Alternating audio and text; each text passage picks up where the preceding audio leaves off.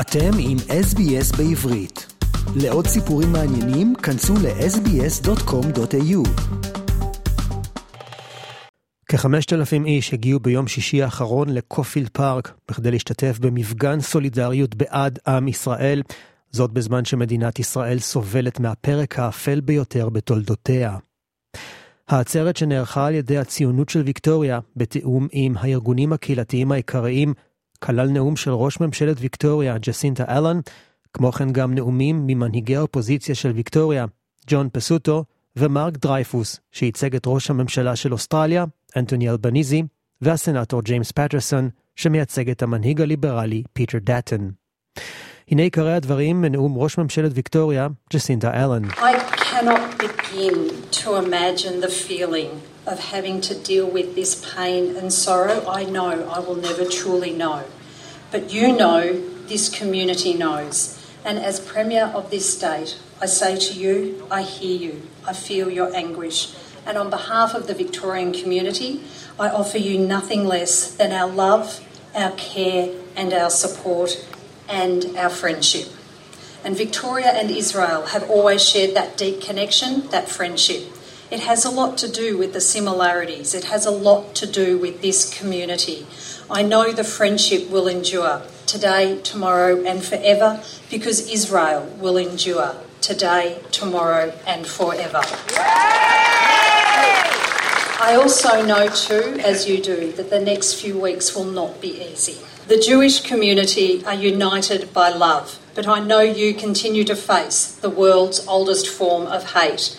We will stand with you every day. Our government, our society does not tolerate racism and will never tolerate anti Semitism.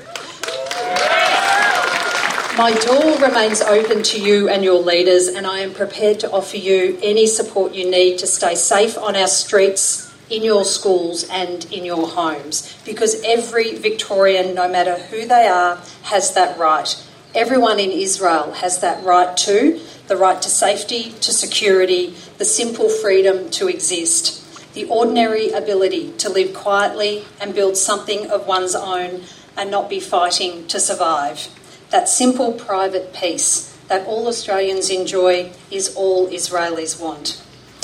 And finally, it's the hope that Golda Meir described 50 years ago when she said, We do not rejoice in victories, we rejoice when a new kind of cotton grows and when strawberries bloom in Israel. I hope we will see strawberries bloom in Israel next spring, and I hope we will see asparagus grow again in Nir Oz. I know the support you are providing to your loved ones in their homeland will make a difference in Israel, and I hope you can feel the love, care, and support we have for you, your community here in Victoria. Thank you, and Shabbat Shalom. דבריה של ראש ממשלת ויקטוריה ג'סינטה אלן, והנה דבריו של מרק דרייפוס, שייצג את ראש הממשלה של אוסטרליה, אנטוני אלבניזי. Shabbat Shalom. I am here tonight representing the Prime Minister and the Australian Government. And I am also here as a member of the Australian Jewish community, Melbourne's Jewish community, our community. Tonight, we mourn the greatest loss of Jewish life in a single day since the Holocaust. Tonight we mourn more than 1,200 people who have been murdered by Hamas terrorists over the course of the last week.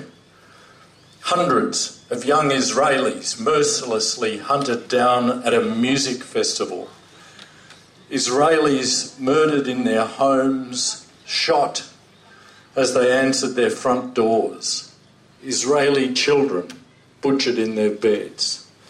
Entire families mercilessly slaughtered in their cars, their kitchens, their living rooms.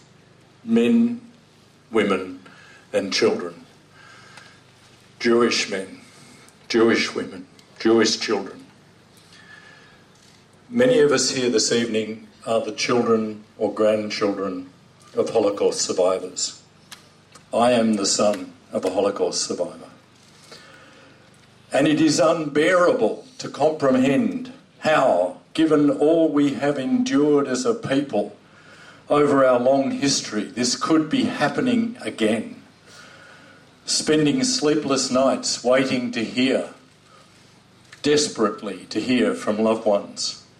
So many fearing for the safety of family and friends in Israel, including those being called up to serve. There is no excuse for the atrocities of, Hamas. There is no justification. This was not an attack on the state of Israel. And it was not just an attack on the people of Israel. This was an attack on the Jewish people. And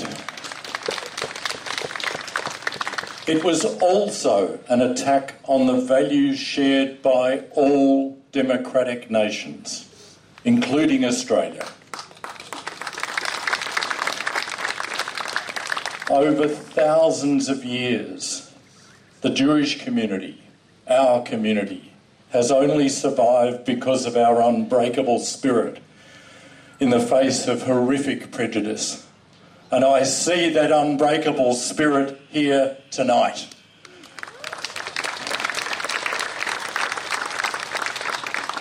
But this time, unlike so many times in our past, the Jewish community is not alone. Israel is not alone. Australia's support for Israel is deep and enduring. It is a bond of true friendship, which goes back to the founding of modern Israel when Doc Evatt helped introduce Resolution 181 and to when, under Prime Minister Ben Chifley, Australia was the first country to cast a vote in favour of creating the State of Israel. Tonight, more than 75 years since Australia supported the creation of the State of Israel, my message to you on behalf of the Prime Minister and the whole of the Australian government, your government, is simple. Australia stands as one with Israel and the people of Israel.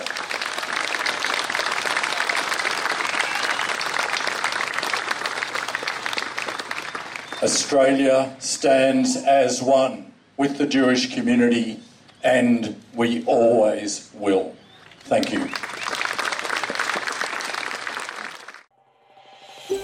רוצים לשמוע עוד סיפורים? האזינו דרך האפל פודקאסט, גוגל פודקאסט, ספוטיפיי, או בכל מקום אחר בו ניתן להאזין לפודקאסטים.